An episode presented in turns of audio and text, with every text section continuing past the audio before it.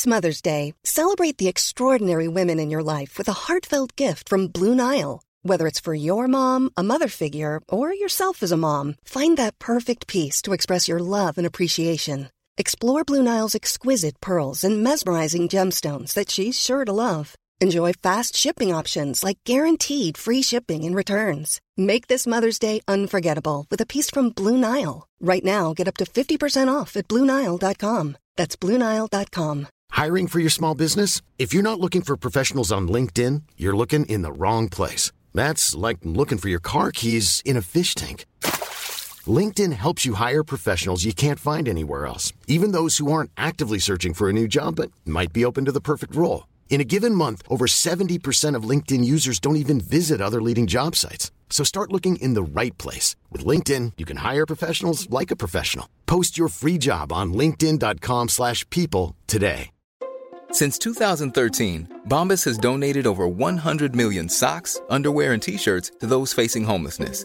If we counted those on air, this ad would last over 1,157 days. But if we counted the time it takes to make a donation possible, it would take just a few clicks. Because every time you make a purchase, Bombas donates an item to someone who needs it. Go to bombas.com slash ACAST and use code ACAST for 20% off your first purchase. That's bombas.com slash ACAST, code ACAST.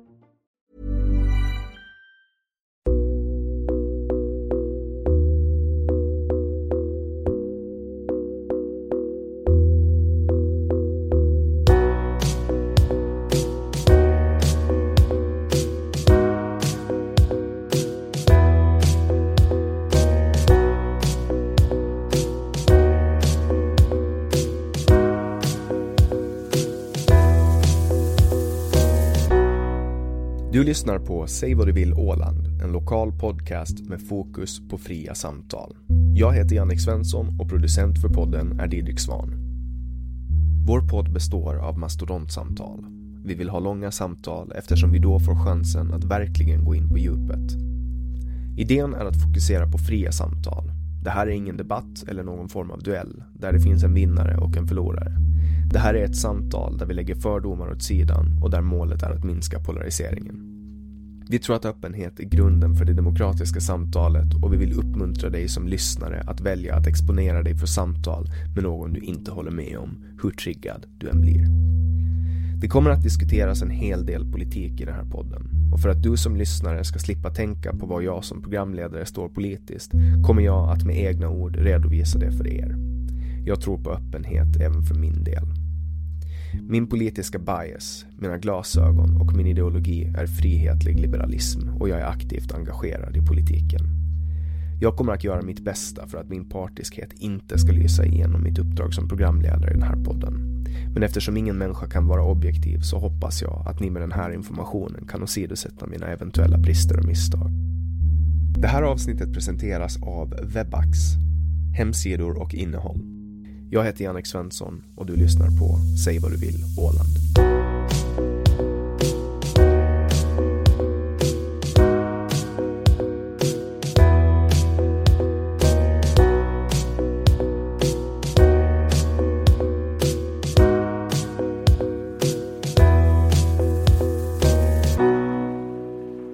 Petra Berg är psykoterapeut specialiserad på kognitiv beteendeterapi. Hon driver företaget kbtterapi.ax som bland annat erbjuder digital psykoterapi i form av videoterapi och internetbehandling. Genom digitala lösningar jobbar hon mot att göra KBT mer tillgängligt för allmänheten. Hon erbjuder även föreläsningar och utbildningar. Välkommen hit Petra Berg. Tack ska du ha. Nu var det ju väldigt mycket inriktat här på på arbete. Men jag kan tänka mig att du har, att det finns en människa där bakom alla jobbtitlar som jag rabblar upp nu. Mm. Vi får väl se hur långt vi hinner, hinner prata här idag. Vi kommer in på det personliga planet också, men väl hem, främst för att prata lite jobb och sådär, om KBT och, och vi, kan, vi kan. Vi kan ju börja med att ställa frågan, vad är KBT för någonting? Vad är KBT? Ja, inom psykoterapin så finns det ju många olika terapiformer. Eh, bland annat psykoanalys och psykodynamisk terapi, um, um, kognitiv, kognitiv analytisk terapi. Så det finns väldigt många olika familjeterapi. Och, och beroende på vilken terapiform du är utbildad inom så, så har du liksom så jobbar du på ett väldigt olika sätt. Det är liksom olika skolor. Ja, exakt. Så om man till exempel tänker på psykoanalysen, så det är ju det freudianska, det vill säga väldigt mycket um, gå tillbaks till barndomen, fundera på um, vad som händer där och då. Är det de som håller på och analyserar typ eh, relationer och sex och sånt? Det är Freud? Ja, eller jag är ju inte utbildad inom den, den genren, men, men jag skulle kunna tänka mig att de kanske mera funderar på sånt. Ja. För det är väl det man brukar skoja om med Freud, att han såg snoppar och sånt överallt. Mm, mm. Jo, det var mycket sånt. Men det är inte den skolan som du håller på Nej, med. nej, nej. Um, när jag gick uh, vid akademin, Åbo akademi, så, så, då, var, då läste vi väldigt mycket psykodynamisk terapi uh, i vår utbildning. Um, och jag har själv gått till psykodynamisk terapi då under utbildningen. Men uh, personligen så tilltalade KBT mig mera. Och det har att göra med att inom KBT så funderar man mera utgående från här och nu. Och funderar på hur kan vi göra livet så bra som möjligt trots allt det som har hänt. Mm. Sen funderar vi självklart också på det som har hänt. Men, men man försöker ändå alltid fundera på hur kan vi gå vidare trots allt som har hänt? Så det är mindre grävande trauma och mera hands-on? Exakt. Uh, och det finns ju också väldigt mycket forskning på KBT. Um, ehm, så att när jag jobbar som terapeut så känns det väldigt tryggt i det att jag vet att de metoderna jag använder, det, det jag håller på med, så har gjorts stora forskningar på, främst då i USA. Men när vi till exempel tittar på internetbehandling, så där har ju forskningen främst gjorts i, i Sverige då, för att eh, Sverige är för, föregångslandet när det gäller internetbehandling. Mm. Och internetbehandling, då, då pratar man om alla former av, av eh, psykoterapeutiska behandlingar, eller? Nej, eh, när vi pratar internetbehandling så, så det finns alltså de... vi tänker på eh, videoterapi. När jag har en klient som går i videoterapi, då loggar jag upp mig mot min plattform eh, och jag har bok avstämt en tid med eh, min klient och vi sitter och pratar live så att säga. När det gäller internetbehandling, då får klienten möjlighet att logga upp sig på en plattform. Och så finns hela behandlingen där. När klienten till exempel kommer till mig och vi jobbar med depressionsbehandling i, på mottagningen, så har klienten en behandlingsbok och så jobbar den med behandlingsboken mellan varje session. Och så diskuterar vi och funderar på vad, vi, vad som har inte, klienten inte har förstått eller liksom vad den behöver för redskap att komma vidare i sin behandling. När det gäller internetbehandling, då har man flyttat upp boken på en plattform mm. där det också finns videoinspelningar, uh, ljudövningar, ett väldigt, en väldigt aktiv, interaktiv liksom, plattform. Som en onlinekurs? Ja, precis. Uh, och så är det istället så att jag loggar in uh, en gång i veckan och ger feedback på det jobbet som klienten har gjort då i skrift istället för att jag gör det på mottagningen, vilket gör att, att med en internetbehandling så finns det ju många, många fler som kan få möjlighet till behandling mm. än när jag ska sätta 45 minuter, en timme på varje patient. Mm. Man brukar räkna med uh, ungefär 10 minuter per vecka per patient i en internetbehandling.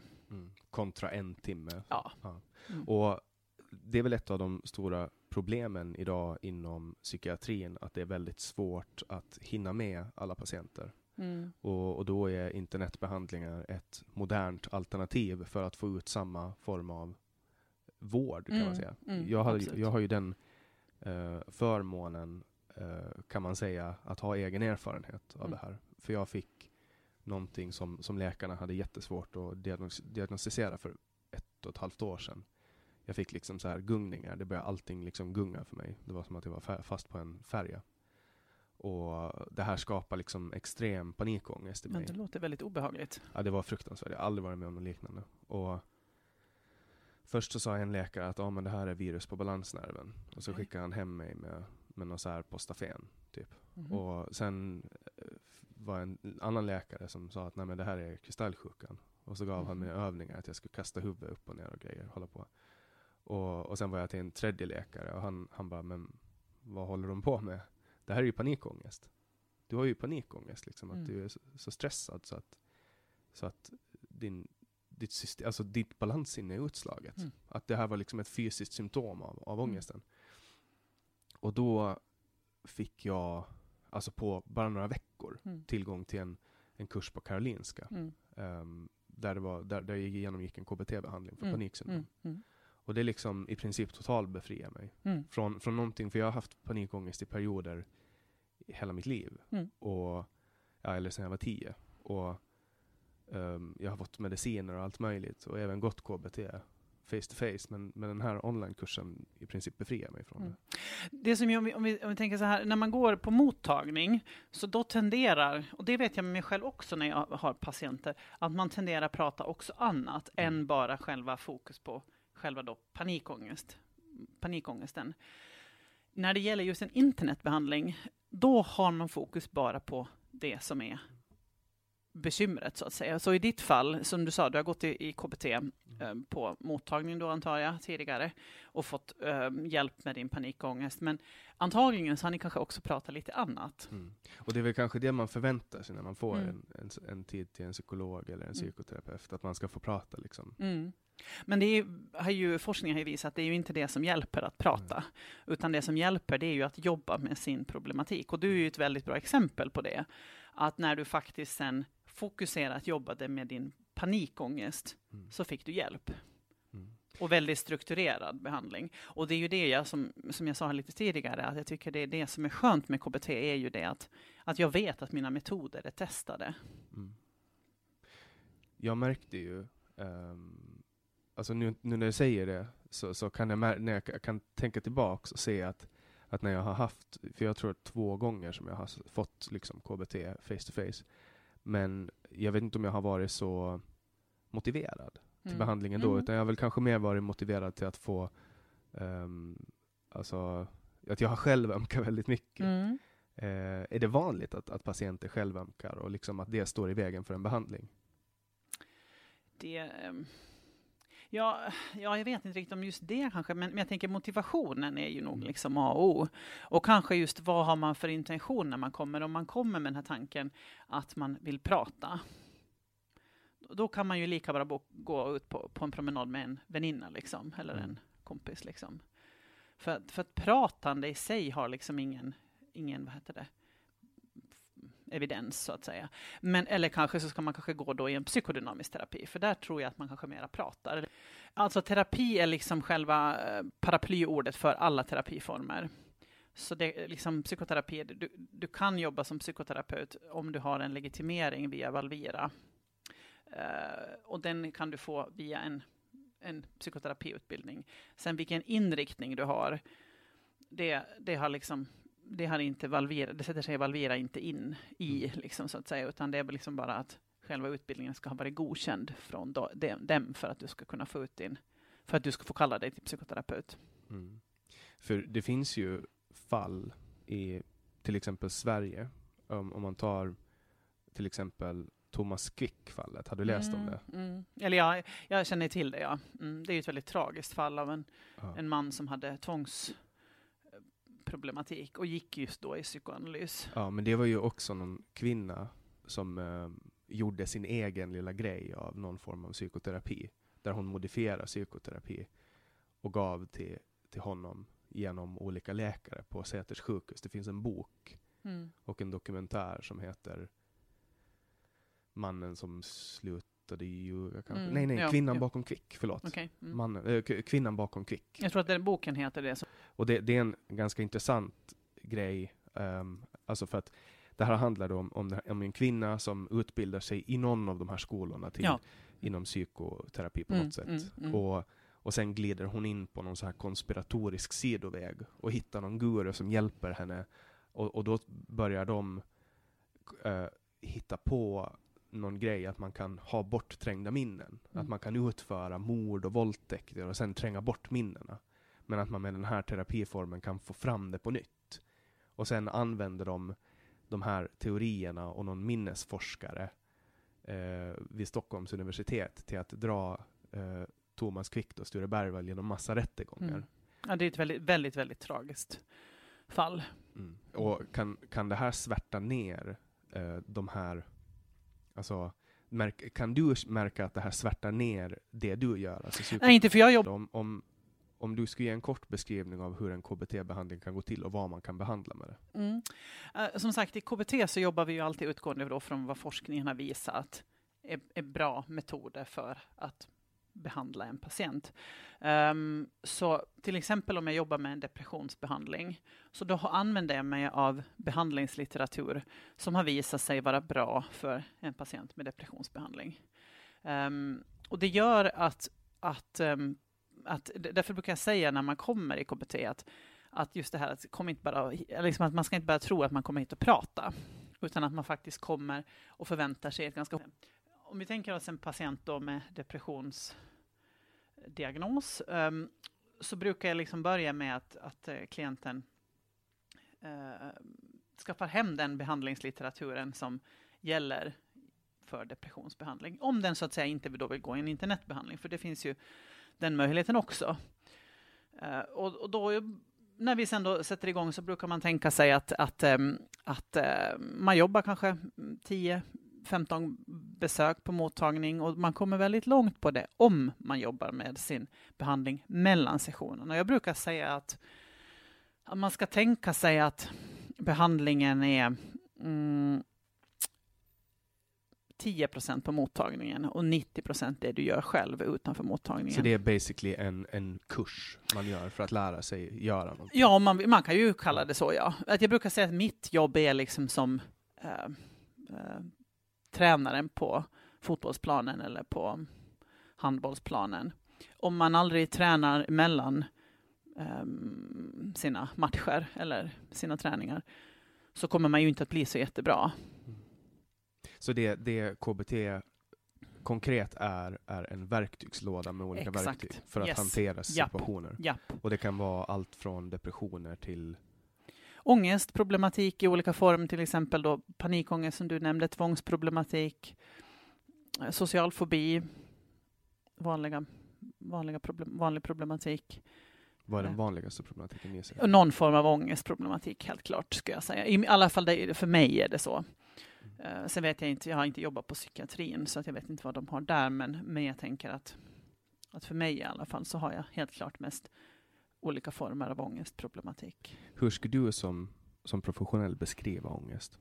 För, för många, tänker jag, använder ju så här, du vet, de ska hitta något klädesplagg eller någonting och säger åh, jag har ångest, jag kan inte välja. Eller, mm. eller man har något prov eller man ska tillbaka till jobbet, åh, jag har sån ångest. Liksom. Mm, söndagsångest är ju... Ja. Mm. mm. Så vad är ångesten? Ja, vad är ångest? Alltså, um, vi, vi, alla människor har ju ångest. Och alla människor ska också kunna känna ångest. Det är, liksom, det är inte bra om vi inte kan känna ångest. Um, och det är ju liksom en känsla i, om, liksom, som känns att det känns inte bra, så att säga. Och det är för att um, i vår hjärna så finns det en liten mandelformad struktur som kallas amygdala. Och amygdalas uppdrag är att tala om för oss om vi behöver fly från situationen, om vi behöver um, slåss eller om vi behöver spela död. Uh, och den här mandelformade strukturen så behövde vi ju mera när vi levde på savannen för, liksom, för länge, länge sedan. Um, men fortfarande så behöver vi den, annars skulle vi bli överkörda av bilar. Vi skulle liksom, det skulle gå på tok för oss om vi liksom skulle vara, göra vårdslösa saker. Och om man just till exempel tänker att man håller på att gå ut över trafikerad väg och så ser man lite dåligt och så, så, så märker man först för sent att, att bilen kommer emot en då man börjar ställa sig och fundera på vad ska jag göra nu? Bilen kommer i hög hastighet. Det är ju inte så vi gör, utan vi hoppar ju. Vi tar ju skydd utan att tänka oss för och det är liksom amygdalas uppdrag är liksom att hjälpa oss att um, skydda oss på olika sätt. Sen efteråt när man har hoppat undan så känner, står man ju liksom och panikslagen och man, svetten rinner och hjärtat bultar hårt och eh, obehagligt liksom. Uh, och, och, och det, jag skulle kanske kunna beskriva just den känslan som kanske ångest. Mm. Det här adrenalinsticket i benen. Ja, när man liksom... händer. Totalt panik liksom. Ont i bröstet. Ja. Eh, och som sagt, vi ska alla kunna känna den, för vi ska kunna veta av, för att kunna så att säga känna av att nu är det en situation som inte är bra här. Eh, och därför, för att liksom, ja, men det kan ju vara på en arbetsplats som, som är dålig, liksom, så mm. kan man ju också ha den där känslan av att liksom, den där obehagskänslan i sig hela tiden för att man, fast man liksom så att säga um, inte kanske då tänker direkt på att det är ångest Mm. så. Men, men den där känslan kan ju vara där om man känner Och den kan sätta sig fysiskt, Ja, som det ja, gjorde i mitt fall. Ja, det började precis. gunga. ja. Jag kan ju också få smärtor i bröstet och, och i ryggen, Mm. alltså Mm. i revbenen. Av- Om man tänker på amygdalas uppdrag, liksom då, du tänker på när du har stått, när du liksom har hoppat undan från den där bilen som kommer emot dig i hög hastighet, så är det ju inte det första du står och funderar på. Just, mm, då, då glömmer du ju alla andra grejer, utan då står du ju liksom och äh, svettas och, mm, som du sa, hjärta bultar och eh, man får trycka över bröstet. Och det är för att eh, blodet just i den situationen, så s- amygdala liksom eh, äh, för blod i massor till benen och armarna för att vi ska kunna fly därifrån eller då slåss emot om det då skulle vara med ett lejon som det var förr i världen. Då. Och därför får man just tryck över bröstet, man får kanske, det kanske svartnar för ögonen, det kanske um, känns yrt i huvudet. Liksom. Just för att blodflöde just du, då är i, i extremiteterna. Mm. Och en panikattack, det är alltså när det här sker utan någon synlig orsak. Exakt. Och det kan vara någonting som man, man tolkar i sin omgivning eh, till eh, farligt. Och just det, som kan ju vara lite knepigt med panikattack, det kan ju liksom vara att eh, man eh, till exempel då är med om en bilolycka och sen efter det så får man obehag för just det, om, det stället till exempel där bilolyckan skedde, så börjar man undvika det. Och så börjar man undvika ännu mer. Men eller som du säger, man kanske har haft jättemycket stress på jobbet till exempel och då kan man få en panikattacksutlösning av det. Liksom. Så att det, det, kan liksom vara, det kan vara ett sätt för kroppen att säga att nu, nu, nu är det någonting som inte är bra här. Mm. Och många tolkar ju det här, inklusive jag, första gången jag fick det, tolkar ju det här som att nu, nu håller mitt hjärta på att stanna. För man, jag fick ont i bröstet och jag började svettades, så Mm. jag fick extrem hjärtklappning. Mm. Och det kändes som att jag inte kunde andas och jag var helt övertygad om att nu kommer jag att dö. Mm. Det där är ju en väldigt vanlig beskrivning, precis just det du just sa. Mm. Och det som också som har varit förvirrande för mig att lära känna, för nu har jag lärt känna min ångest ganska bra, men för mig har det varit liksom det här, se skillnad på panik och panikångest. På engelskan så är det ju skillnad på, där, där är ju ångest och den här lågmålande känslan. Um, det, det är anxiety. Mm. Och på engelska så säger man, så blir panikångestattack panic attack. Mm. bara mm, panic attack. mm, Och ehm, att folk ser, har lite svårt kan jag tänka mig, att, att ha, eller det har jag märkt, att se skillnad på vad är ångest och vad är en panikångestattack. Mm. Och, och nu pratar vi om panikångest. Mm. Mm. Men den på något sätt föregås ju alltid på något sätt av ångest. Mm. Ja, exakt. Mm. Att, att vissa får, när vissa får panikångest så, så får de liksom, de kan inte andas. Mm. Och andra tror att de ska spy. Jag är en sån som tror att jag ska spy liksom. Mm. Mm. och undviker alla platser som, som jag, och så var det mitt liv innan, att jag undvek alla platser som jag har fått panikångest Mm. på. Exakt. innan. Och det är ju väldigt vanligt, just precis att man gör det, för att man är så rädd att, att det ska utlösas igen, precis just där man var. Mm. Och jag tror, jag tror att det var Eckhart Tolle som sa att, nej, det var inte alls Eckhart Tolle, utan det var han, um, Hansen, heter han så? Anders, Anders Hansen, ja. Mm. Han sa att ångest är priset vi får betala för vårt medvetande. Mm. Att, att, Han är ju en väldigt duktig författare och de som inte har hört på hans sommarprat ska ju göra det ja, och läsa hans böcker. Den här boken Järnstark är ju väldigt bra. ja, det var den som fick mig att börja motionera. Mm. Bra! Sen motionerade jag så mycket så att mina knän gick sönder. Allt med måtta. Ja, så är det. Jag kan ju inte hålla saker måttligt. Liksom. Men det är, en- tror jag, är en bra övning att försöka tänka så här att hur ska jag kunna motionera ännu om du ska antagligen jobba i 40 år ännu. Mm. Det kanske inte är riktigt, men du kommer att få gå i pension och jag kommer att gå i pension väldigt sent. Ja, jag kommer att få gå när jag är 80 kanske. Ja, och då kan det ju vara bra att man tänker så här. Jag behöver kunna röra på mig hela mitt arbetsliv. Och hur ska jag röra på mig så att jag orkar och att jag liksom klarar, min kropp klarar av det? Och om jag då, mina knän har pajat, vad kan jag göra istället? Finns det någon yoga jag kan gå på? Vad kan jag, eller kan jag gå ut på en promenad? Att jag tänker nog att, att just det där som du sa, em, jag har inte, ingen, jag har liksom svårt att göra någonting med måtta. Men det tror jag är viktigt att vi, att vi lär oss att Mm. göra saker med måtta. Att tänka lite så här, inte så jättesvartvitt, utan att tänka lite mera. Living in the grey. Ja, du har ju en, en t-shirt på, ni som sitter här, du har en t-shirt på dig som det, som det är faktiskt en regnbåge på. Och jag tänker att den skulle du kunna lite ha som en sån symbol för att det är viktigt med olika färger i livet och inte så svartvitt. Utan att tänka lite mer just sådär, okej, okay, om jag går in för en jättestrikt diet, orkar jag hålla den då? Eller ska jag vara lite mindre strikt? Orka hålla det istället? På samma sätt som om jag mitt i allt börjar träna sex dagar i veckan och jag inte har tränat sex dagar i veckan tidigare, kanske inte jag kommer att orka med det. Kanske är det bättre då att jag tränar tre gånger i veckan. Det där exemplet är intressant för att jag hade exakt den grejen. Jag är ju alltså så extrem som en person kan vara. Och när jag började träna, jag hade aldrig tränat, alltså aldrig varit på ett gym i hela mitt mm. liv. Och så köpte jag typ 12 eller 14 PT-timmar.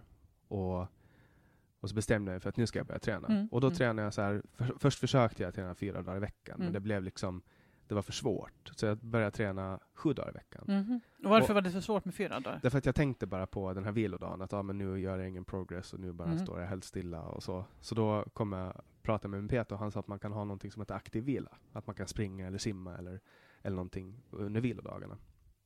Så jag hade tre dagar som jag styrketränade och sen hade jag aktiv vila, där jag cyklade eller sprang. Och, och det här höll jag liksom i över 200 dagar i sträck. Och sen var det en dag som jag inte gick till gymmet.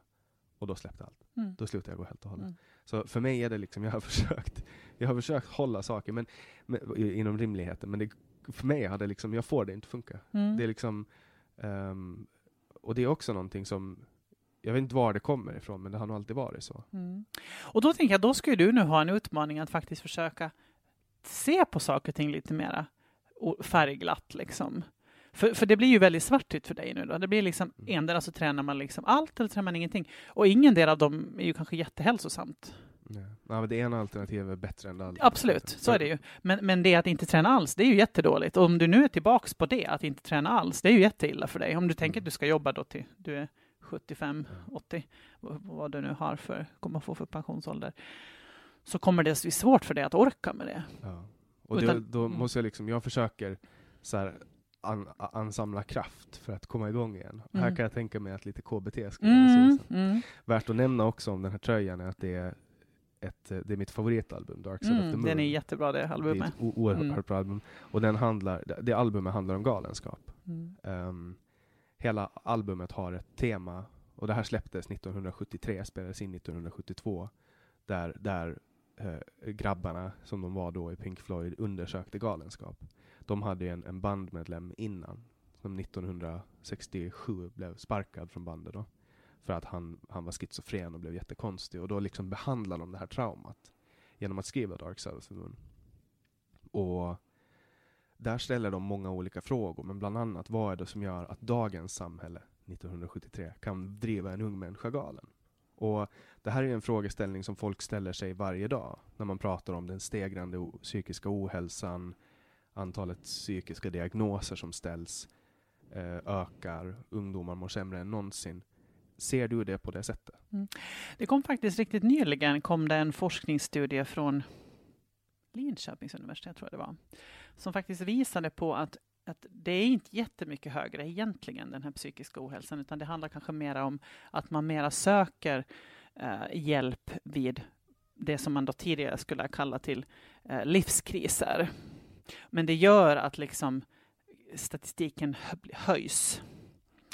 Eh, och, och, och, så tänker jag nog kanske, har jag lite misstänkt lite själv också, att det kanske inte är så att, att den psykiska ohälsan på det sättet har ökat, utan att det liksom mer handlar om att man söker hjälp tidigare. Och det tycker jag nog ändå är, det är jättebra att man gör och att man kanske om man känner att nu blev den här, det här som hände om man skiljer sig eller vad det kan vara, att man liksom, um, att man då tar hjälp och, och, istället för att man kanske går ut och gör dumheter som man kanske också lätt kan göra annars. Liksom. Mm.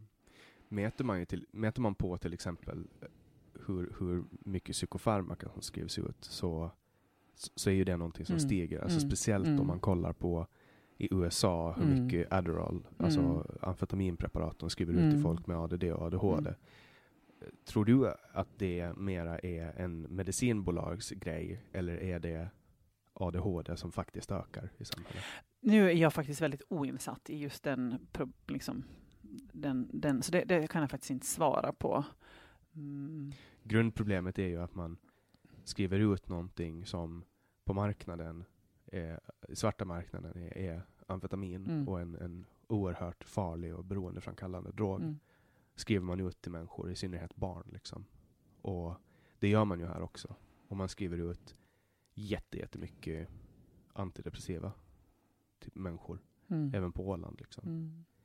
Och mäter man på hur mycket medicin som skrivs ut så har det aldrig skrivits ut så mycket psykofarmaka som det görs nu. Mm.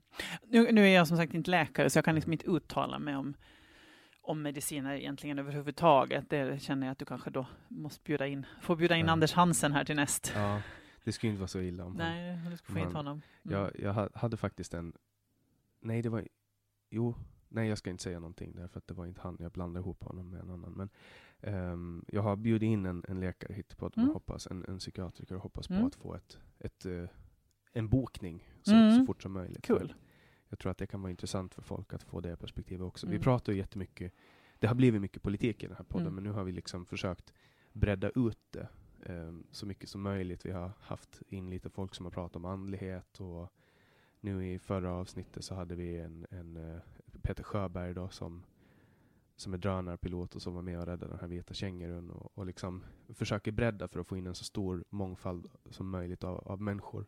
Och psykisk ohälsa är ju eh, någonting man kan, man kan prata om i flera perspektiv. Mm. Jag pratar ju mycket om, om psykisk ohälsa med att det är en del av min historia. Mm.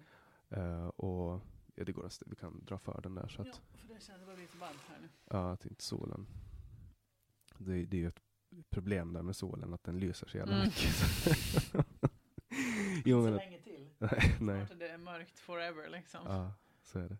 Jo, men att, att jag pratar mycket om, om psykisk ohälsa ur mitt perspektiv, vilket är självupplevt. Mm, Och då blir det ofta att jag harvar runt i de gånger som det har gått fel i vården. Mm, mm. Och, och därför tycker jag att ditt ehm, perspektiv är så intressant. För Mm. att inom, in, med den formen som du behandlar, alltså KBT, då går man ju faktiskt in för att lösa problemet. Mm, mm. Mm, Tar man en läkare till exempel så går ju de in för att ta någon form av medicin som ska dämpa symptomen av problemet. Mm. Det är så jag ser det. Okej, eh, ja, jo, jag, jag tänker nog att, eh, att eh, de läkarna som jag har samarbetat med så, så tycker jag nog att alla liksom ändå alltid försöker motivera patienten till att också, så att säga, Eh, gå i en terapi till exempel. Sen är det ju precis lite som du sa, det där med, med motivationen, att det är ju inte så att alla heller vill gå i terapi, utan många kanske också vill ha en enkel lösning på, på det och så gå tillbaka på jobb kanske. Och då, och då kan det ju hända att, att man så att säga väljer att ta bara medicineringen.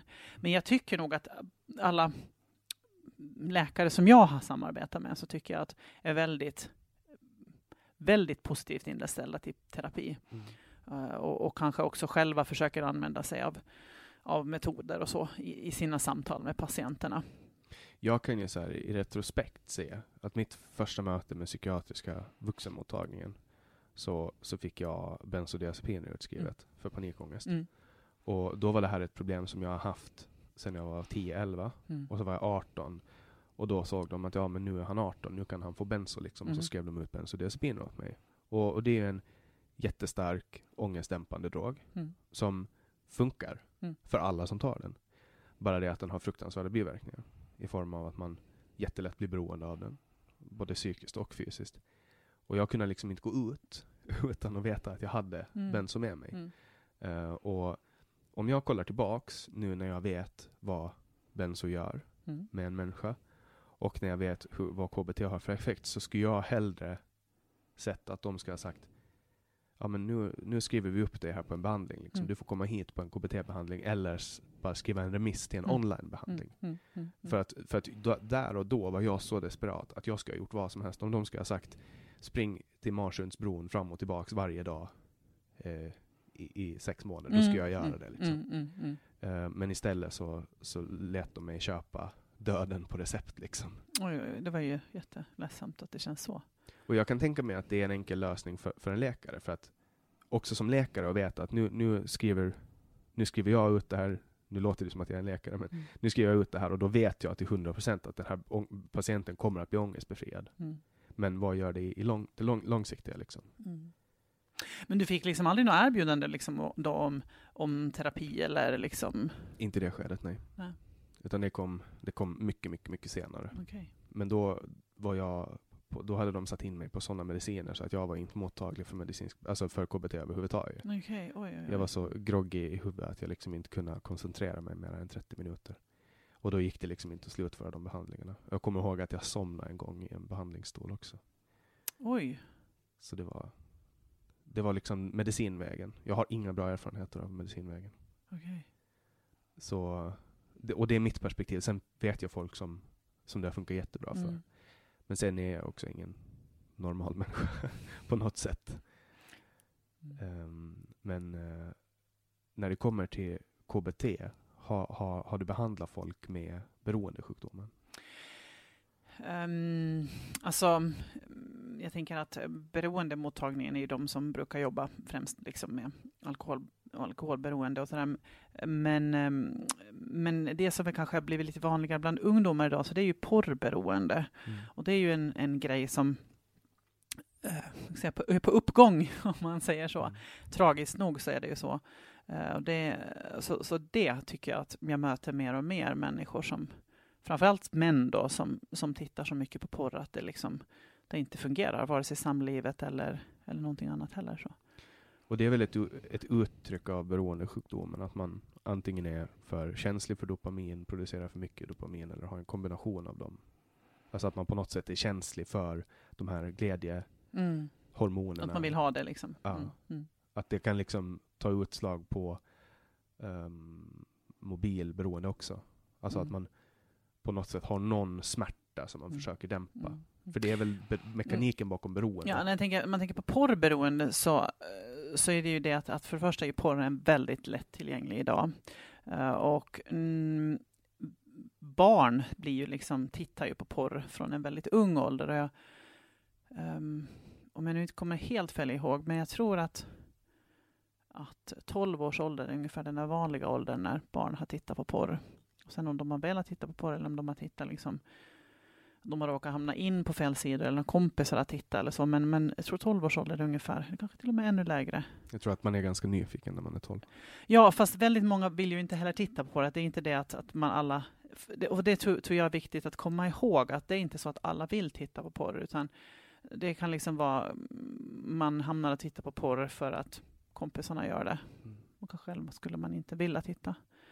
Eh, och sen är det ju sådana som då fastnar. Och, och om man tänker på porrberoende så, så mm, det är ju inte barnens fel att, att de har en smartphone i fickan. Det är ju vi vuxna som är ansvariga över det. Och eh, i smartphonen så finns det ju miljontals timmar med porr.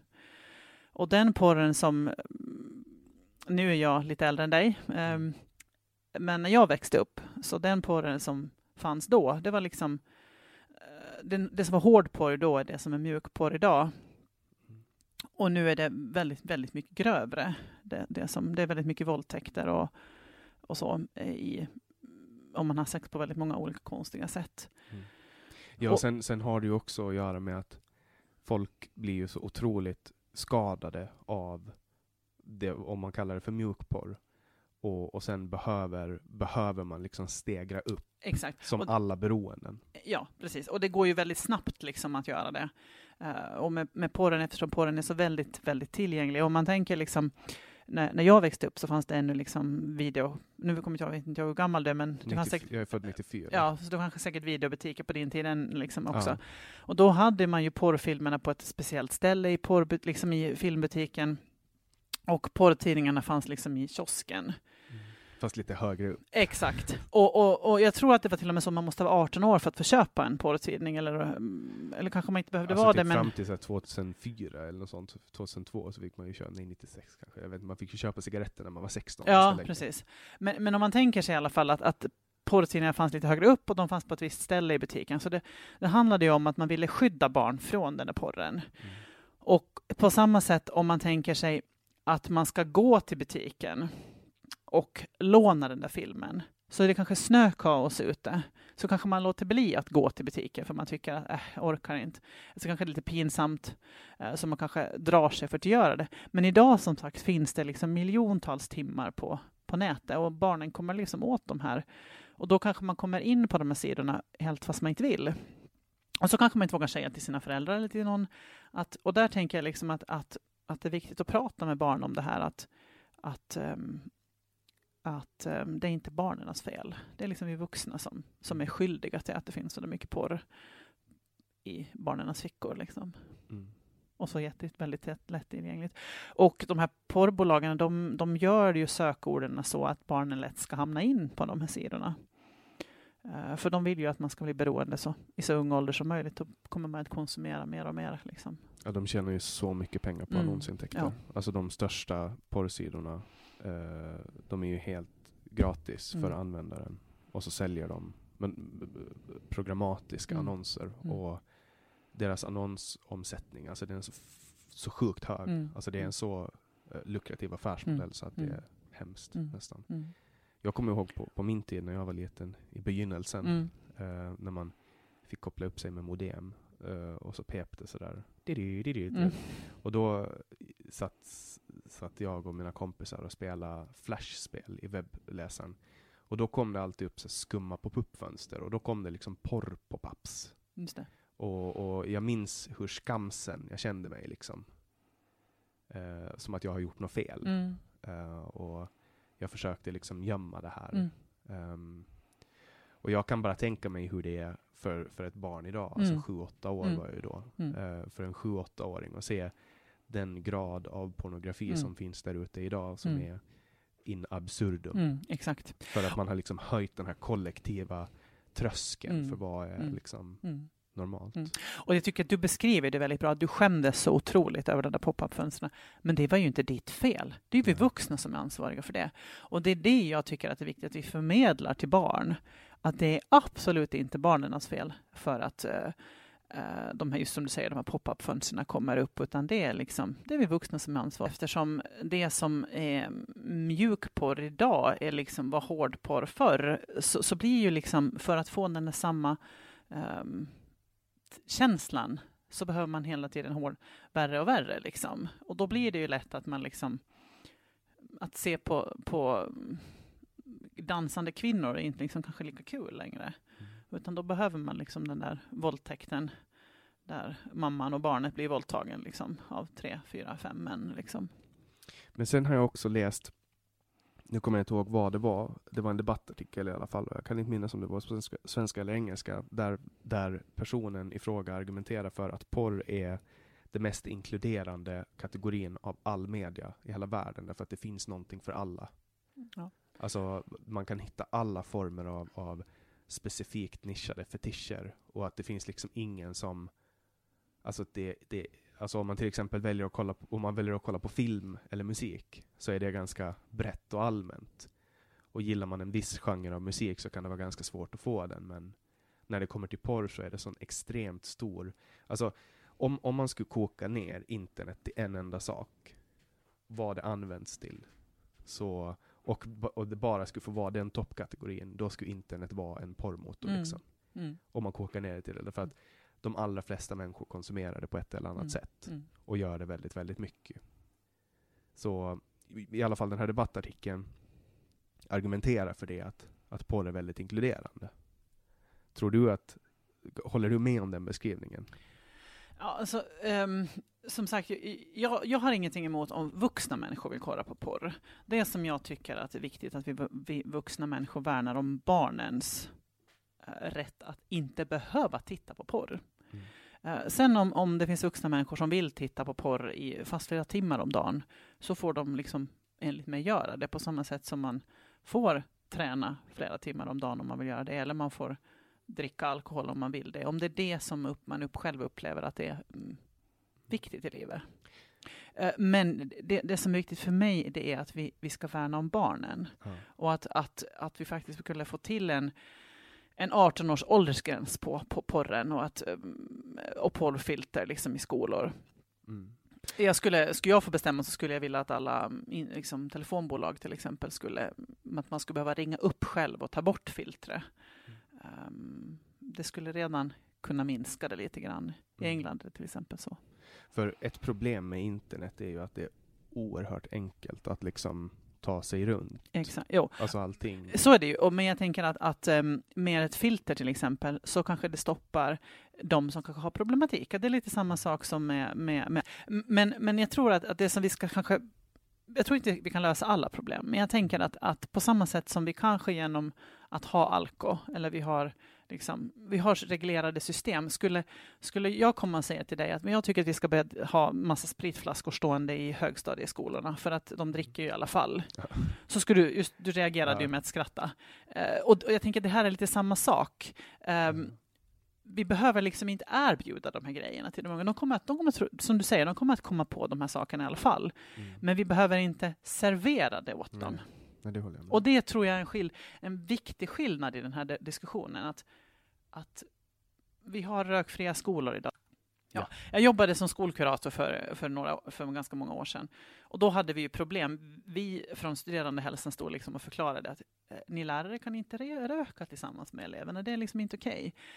Och idag så är skol, skolorna rökfria. Det är liksom när du kommer in på skolområdet så är det rökfria skolor. Och det är liksom, jag tänker att det kanske mer handlar om det här att liksom att inte göra det så tillgängligt, visa på att det här är inte okej. Okay. För att det har också forskningen visat, ju längre du ju äldre du är när du tittar på, börjar titta på porr, aktivt titta på porr, desto mindre kommer du att konsumera. Det är samma sak med alkohol och det är liksom egentligen med allt, att ju längre du, ju äldre du är när du börjar konsumera en sak, så desto mindre kommer du att konsumera. I, nu är det ju nu är prostitution laglig i Finland, men i Sverige till exempel, mm. där prostitution är olagligt. Mm. Eller alltså, alltså det är, inte, det, är ju lag, det är olagligt att köpa. Det är olagligt att köpa. Men, men, det är inte olagligt att sälja. Och det är ju, de jobbar ju väldigt bra i Sverige med att de har ju alltid socialarbetare med och när de gör sina räder. Så de ger ju alltid de här kvinnorna en möjlighet att försöka få hjälp och komma ur det. Men om man tar till exempel, nu är ju Skandinavien som har lite speciella lagar. Uh, I Finland är det ju lagligt att köpa sex. Mm. Det är inte så många som vet om det, men man pratar inte om det. Men vi tar USA till exempel, där det är förbjudet att köpa sex och det är förbjudet att sälja sex i vissa delstater. Men så fort du lägger en kamera framför och kallar dig själv för producent, porrproducent, då är det helt lagligt att ta en 18-årig tjej och klä av henne framför en kamera mm. och göra vad som helst och betala henne. Mm. Att skillnaden där är bara att i det ena i den ena situationen så är hon liksom mellan fyra väggar och den andra så är hon mellan fyra väggar och ute på hela mm. internet mm. och kanske har fått hela sitt liv förstört. Det tycker jag är en jättekonstig grej. Mm. Och så är det ju i Sverige också. Det är lagligt att spela in porrfilm.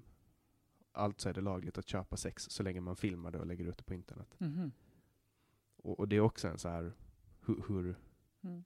Och där tänker jag eh, att redan det, som de har ändå kommit ganska långt i Sverige när de jobbar liksom med eh, dessa kvinnor, så är ju ändå liksom att där igen då sätter man ju ändå en attitydförändring. Och jag tror att det är kanske det nu vi måste komma åt här. Att, att om vi visar på att det inte är okej, okay, så kanske vi någon dag kommer vidare i lagstiftningen. Mm. Tänker, jag antar att målsättningen i Sverige ändå ska vara liksom att, att, um, att även liksom då, um, produktion av porrfilm är liksom olagligt.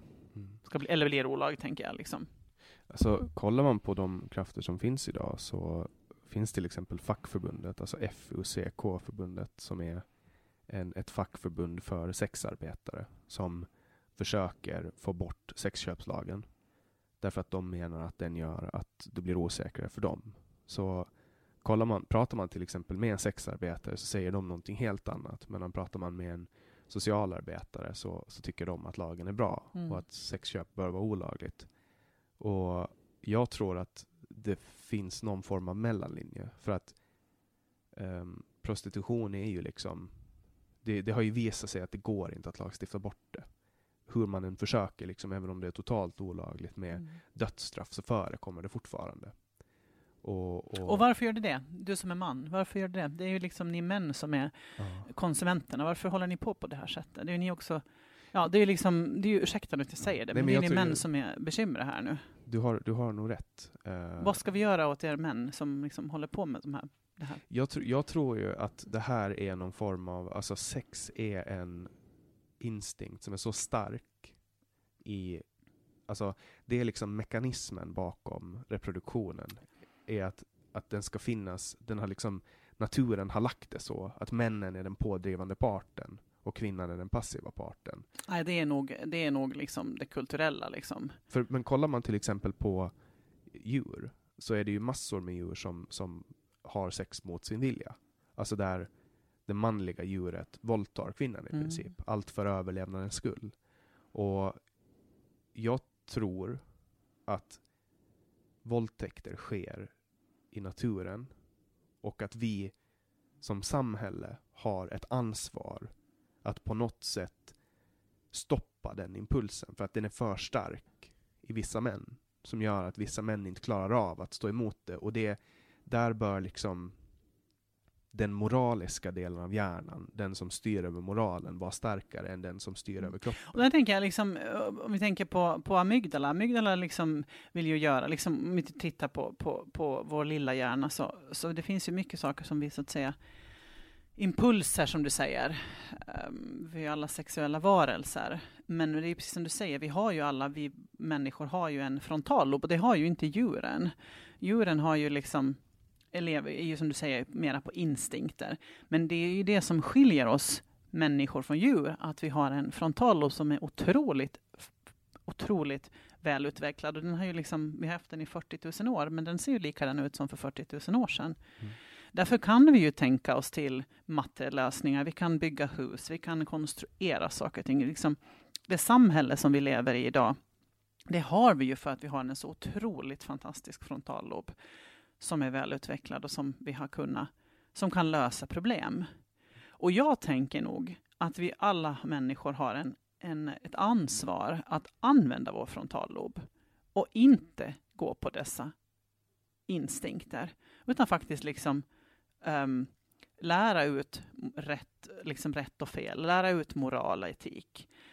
För det är nog det som gör att vi liksom, så att säga, då, om vi nu pratar om att våldta, så tänker jag det är ju ändå ett aktivt val som man gör när man våldtar.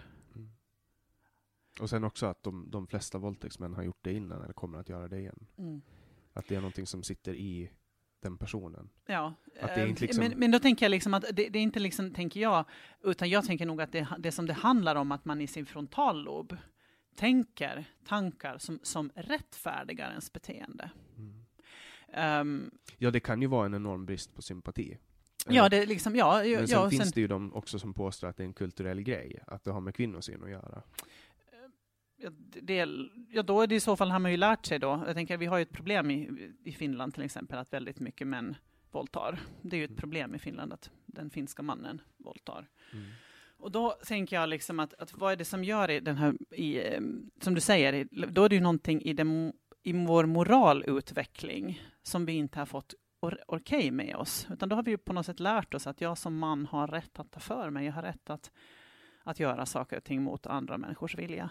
Och så rättfärdigar det det med mina, mina, mina tankar. Det är okej okay för mig att göra det här för att jag, är, jag, jag har liksom rätt i det här nu. För kollar man till exempel på en person som har beroendeproblematik, då kan man ofta spåra det bak i tiden och se liksom lärarna kan säga att ja, men vi förstod att den här personen skulle bli så och så och så. Finns det liknande man kan göra med personer som våldtar? Kan man liksom se att för att kollar man på många som begår våldtäkter så har de själva blivit utsatta för någonting mm. när de har varit barn. Att, mm. att de, de liksom fortsätter fortplanta det här beteendet. Mm. mm. Nu, nu, kan jag inte svara på det, men om jag nu lite så här skulle fundera snabbt så skulle jag väl säga att, um, att um, om man har lärt sig i barndomen liksom rätt och fel och att respektera andra människor och vad man liksom Eh, jag tänker att mm, Rädda Barnen, om jag tror att det är rätt, så de, och har liksom jobbat en del med att liksom, mm, de har en manual som de kallar till um, Min kropp, tror jag kanske den heter. Och just det här att jobba med det här att min space och min liksom, um, att, ja men alltså att hur, hur beter jag mig med andra människor? Och att man liksom får det med sig, så är det nog säkert mindre risk, tänker jag, att man liksom själv våldtar. Och jag brukar faktiskt, när jag jobbade som skolkurator, så brukade jag fråga liksom av, av, av, um, av klient, eller när jag var inne i klasser så brukade jag fråga så vem av er har tänkt bli våldtäktsman här, eller våldtäktsman eller våldtäktskvinna? Och då var det förstås ingen som räckte upp handen. Och där tänker jag att, att på samma sätt som kanske eh, ett litet barn, jag brukade, brukade, också ha en bild på, på Hitler när han var bebis, och så brukade jag fråga vem är det här, och då fick jag alltid svara, det är du liksom. det är du när du var barn och sa nej, det är Hitler. Um, och jag tänker liksom där är det ju samma sak, att, att vi gör ju aktiva val. Det fanns ju jättemycket människor under andra världskriget som valde att gå emot, och som valde att göra annorlunda. Och då tänker jag, då måste det ju handla om den här moralen som vi ju lär oss och som vi ju har en frontallob att tänka oss till. Det är, liksom, det är, inte, det är inte bara liksom att nu är jag ett djur och liksom, nu ska jag liksom, äh, gå ut och våldta, eller nu ska jag liksom, utan äh, den finska mannen har liksom mera, mera kompetens än så. Är igång igen? Nej, men jag tänker så här att, att um, om du, Jannik, är emot att män våldtar, då tänker jag att då har du ett ansvar att alltid när du ser sexuella trakasserier, någon eh, man klappar någon annan kvinna på rumpan eller kommer med ett sexistiskt skämt, då har du en, ett ansvar att se en ifrån på det och säga liksom att men det där beteendet är inte okej. Okay. Mm. Och jag tror att det liksom, kanske mer det det handlar om, att, att vi igen liksom att, att visa på vad är rätt och vad är fel. Mm. Att man, man liksom för det vidare som ett grupptryck. Ja. För att, för att på något sätt så tror jag också att det här macho-beteende också går i grupptryck. För mm. jag kommer ju ihåg hur det var att gå i högstadiet när man liksom förväntades vara lite elak med tjejer och mm. så. Mm. Det hörde mm. till. Mm. Och det är ju otroligt korkat. Ja. Och då tänker då har man ju liksom att istället för att liksom bygga på den här machokulturen, att istället säga tvärtom, liksom att men jag tycker att det här är jag tycker ditt beteende är oförskämt. Sluta med det där. Mm. Och där var ju metoo var ju en, en ögonöppnare för väldigt många. Mm. Mm. Um, och det har jag pratat om tidigare. Jag tror att det var i samtalet med Mia Hanström.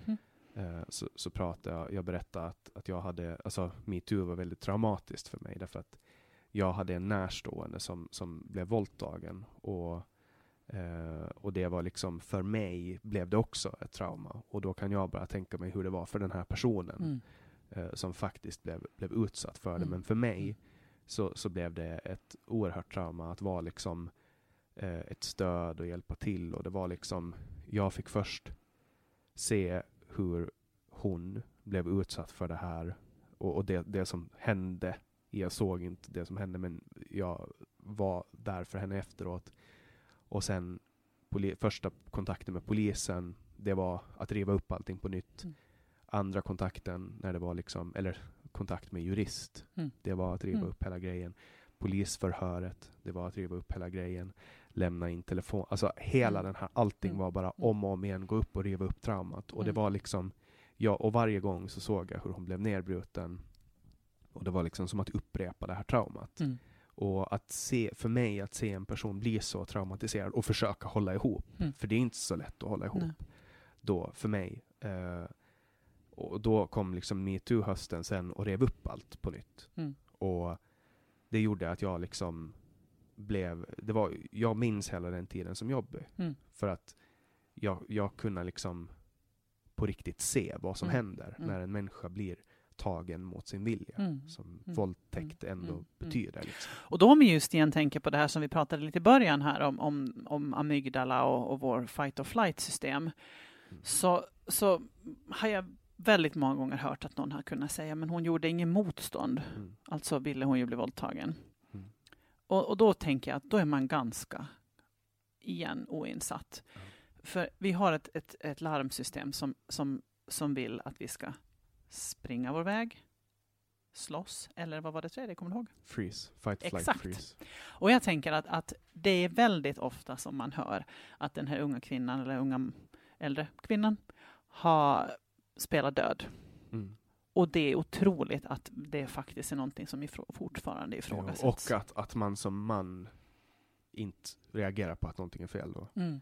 I det här fallet, för den som jag har närstående, hon sa nej flera gånger. Och um, trots det så, så valde han att fortsätta. Mm. Och sen försökte hon knuffa bort honom. Uh, med våld liksom. Mm. Och det, det som hände var att, att åklagaren ansåg att det fanns liksom, det var bara mellan de två. Det fanns liksom, det var ord mot ord. Det fanns inga mm. bevis. Och han får fortsätta sitt liv helt normalt. Mm. Och, och hon får gå vidare med ett trauma. För honom är inte det ett trauma. Nej. Det var ju liksom bara någon sån här grej som passerar Mm. förbi. Mm. Och jag kan liksom vältra mig i det här. Att, att jag, jag mötte honom på stan en gång. Och ehm, han bara lever sitt liv helt Mm. vanligt och hennes liv är förstört. Mm. För att det är en del av henne som aldrig kommer att kunna tas tillbaka igen. Mm. Och ja. Nu kan jag i alla fall du vet, leva med det på något sätt. Mm. Och hon också. För, för att det här är ett trauma för mig för att jag var med genom hela processen Mm. för henne. Och jag förstår liksom hur, hur det här kan påverka. Och jag kan inte förstå hur det kan vara värt för en kille att få sex på bekostnad av det där lidandet. Nej. Liksom. Jag kan inte säga att det är värt det. Nej. För någon. Och då tänker jag, då har, ska ju du nu vara den eh, man som, som står upp för det här och liksom säger ifrån och liksom och faktiskt kommer ihåg att det, det börjar liksom på samma sätt som det att titta på extremt grov porr eller då på, på våldtäkta barn. ehm, så tänker jag att eh, det är inte så att man börjar med att titta på våld, liksom, där barn blir våldtagna. Det som man då också brukar kalla till eh, barnpornografi. Men jag tycker att det är bättre att säga att det är våldtäkta barn, för det är det det är. Ehm, det är kanske sällan man börjar med att titta på det, utan det har börjat från någonting annat. Mm. Och, på samma, och då kommer det smått och liksom går mot ett väldigt grovt. Ehm, så jag tänker på samma sätt där, att, att du som man har liksom det där ansvaret. För, för det är kanske det som jag som kvinna tycker är ganska jobbigt. Att det är liksom hela tiden vi kvinnor som måste liksom kämpa Mm. för de här sakerna. Jag skulle gärna se att ni män skulle liksom ta lite ansvar och liksom säga ifrån och liksom vara sådär, men det här är inte okej och, och, och liksom ge plats för oss kvinnor på ett annat sätt. Mm. Liksom jag tänker jämställdhetsdebatten överlag liksom är, så, så är det sällan det är män. Men när man går på några olika forum som är jämställdhetsdiskussioner så är det väldigt sällan det sitter män där. Mm. Och det är ändå ni män som behöver liksom jobba för de här sakerna. det. Jag kan ju tycka att vi som män har ansvar för hur vi lär yngre män Mm. hur de ska göra. Mm. För att ehm, mycket har ju att göra med vad man själv blir upplärd. Mm. Och kollar man och jämför med hur samhället såg ut för, bara som vi pratade om innan, alltså Thomas Quick, Sture Mm. Bergvall, han, Mm. han blev ju diagnostiserad som homosexuell. Alltså han blev behandlad, hans första vårdkontakt var ju att han skulle behandlas för sin homosexualitet. Och det här var på 60-70-talet. Och då har man liksom från äldre generationer lärt ut att homosexualitet är fel. Mm. Men nu är vi, om man kollar på till exempel Pride, så är vi enade som samhälle i att förändra rådande normer. Att, att avvikande sexualiteter är helt okej. Mm. Och att vi har som, som män ansvar för att lära yngre män att man ska respektera alla människor. Mm. Eh, och, och på det sättet slå sönder den här machokulturen. Och jag tänker att det är precis som du säger, alla generationer har fått kämpa, kämpa med sin sak, eh, sina grejer. Och jag tänker att det viktiga är att komma ihåg att den där kampen tar aldrig slut. Att de barn som föds idag eh, så kommer att behöva kämpa också. Men kanske med en annan plattform. För förhoppningsvis har vi, har det inte gått som i Handmaid's Tale. Vi får hoppas liksom att vi, vi liksom inte beter oss på det sättet. Mm. Och, och som du säger, alla generationer har ju sina fighter. En fight som är nu är ju att man har liksom börjat man pratar väldigt mycket om klimatet och då har det uppstått klimatförnekare. Mm. Att, att å ena sidan så finns det de som menar att nu måste vi göra en total omställning och, och på andra sidan så finns de som säger att nej det behöver vi inte alls Mm. för vi har ändå ingenting vi kan påverka. Mm.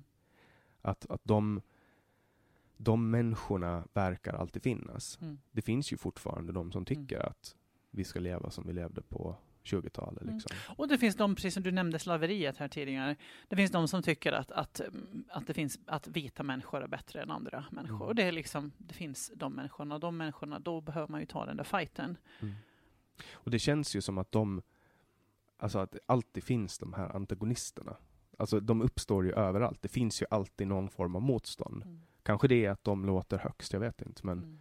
men det är ju jättemånga som kritiserar Pride genom att sprida um, falska bilder. Vi är ju i Pride-tider nu och, och då lägger folk upp så här bilder där man har redigerat in uh, barn. Man har tagit så här obscena uh, grejer och så har man liksom redigerat in barn och så sprider man de här bilderna för att hetsa på om att det här skulle vara någonting som eh, är alltså som sker. Och det känns liksom som att den lilla klicken som, som gör det här, för det är ändå en så upprörande sak för människor. Alltså att man försöker trigga debatt, man försöker få igång människor. Um, och det var ju lite det var ju lite det Trump gjorde i sin valkampanj som han blev kritiserad för. Mm. Att han liksom retade upp folk. Mm. Och vi är ju i sådana tider nu. Mm. Men för att, för att spinna tillbaks till det här med mäns ansvar. Jag håller med om att män har ansvar för att vara goda förebilder. Och jag vet inte om jag tycker att det är bra att man håller på i populärkultur med att men, du vet, som man kan hålla på med, alltså kvinnoförnedrande musik. Man rappar om bitches som ska göra saker liksom. Ja, eller så tittar man på porr och där fem män uh, har sex med en kvinna liksom. Mm. Mm. Och det är liksom, ur ett moraliskt perspektiv så är det tråkigt att det är så.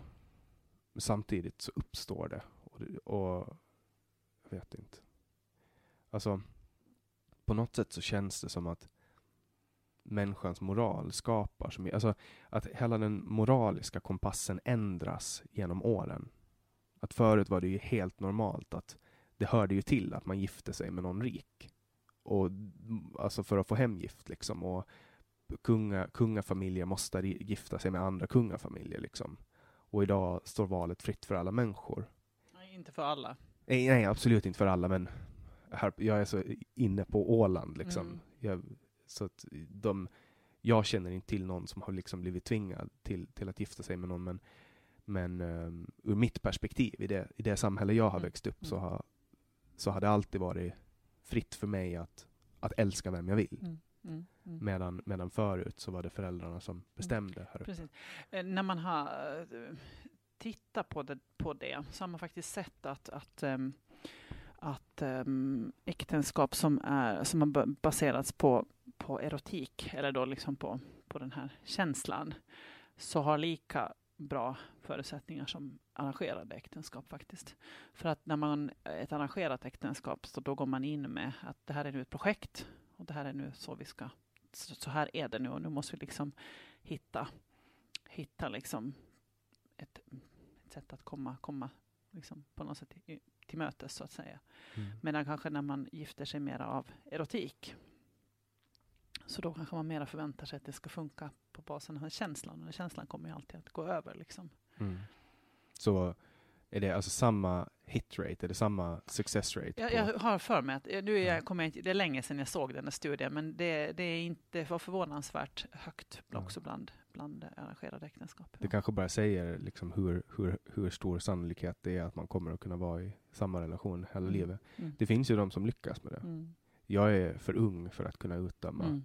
det, men, men, um, och jag vill ju gärna tro att mitt förhållande kommer att funka resten av livet. Men om jag skulle gå runt och tänka att nej, men det här kommer bara funka i tre år till, mm. då kanske man inte skulle ha så storslagna planer för framtiden, mm. kan jag tänka mig. Mm. Men uh, för att, snurra tillbaks till ämnet som vi var på innan om psykisk ohälsa och, och ångest. Du sa att ångest är en av de vanligaste sakerna du behandlar. Mm. Vad är det för slags ångest? Det är nog allt, allt från liksom då, uh, panikångest till bara generell ångest, um, eller GAD som man kan kalla det också, social fobi. Mm. Vad är anledningen som folk har ångest? Är det ekonomiskt, stress, relationer? Ja, det, det är väl nog väldigt olika skulle jag säga. Um, men, um, men då tänker jag väl att, att, att om man tänker på stress till exempel, så tänker jag att att där igen, om nu vi kommer tillbaks på ett genusperspektiv, så, um, så, så det är mycket, mycket vanligare med utbrändhet bland kvinnor till exempel. Och det tänker jag igen att, att om män skulle hjälpa till mera med, med den här vardagsorganiseringen med presenter till födelsedagskalas och ta, ta ett mera större, större ansvar så tror jag inte att de här kvinnorna skulle bli lika utbrända. För att nu ser jag ju väldigt många som jobbar heltid, kvinnorna jobbar heltid och sen ska de ändå ta det där fulla ansvaret för, för, för barnen och för att få den här vardagen att rulla. Så mm, där är vi igen tillbaka till det här att män behöver ta ansvar. Så det är förväntningar på att kvinnor ska både sköta hushållet och Mm, mm, jobba. mm. Och om man, om man tar till exempel, alltså, för det här har ju också varit en ganska stor diskussion. Um, man pratar om, om friheten att välja. Att när, när, när man har ett samhälle som, som är fritt och människor får välja, så är det fler kvinnor som väljer att jobba i kvinnodominerade yrken och mer män som väljer att jobba i man, mansdominerade yrken. Um, att man liksom på något sätt söker sig till dem. Och så kan man ju igen titta liksom på eh, vad, vad liksom sätter man för leksaker i flickans hand och vad sätter man för leksaker i pojkens hand redan från ett litet, litet barn. Hur många pojkar leker aktivt med dockor? Hur många pojkar har ens dockor i sin, i sin lekhörna? Liksom?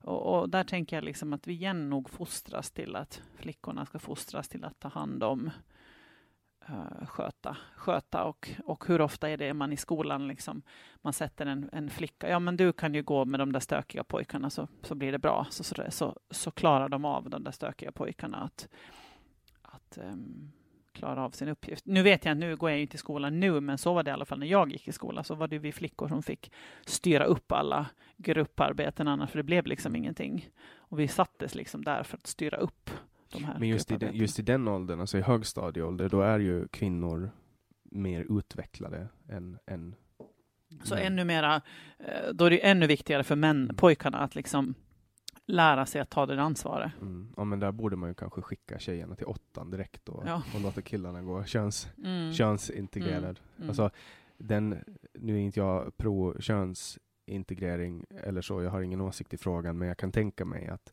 det skulle vara lättare för en 13-14-åring att koncentrera sig om de inte hade hela den här grejen. För att det var ju en konstant sökande av uppmärksamhet, Mm. minns jag högstadiet. Mm.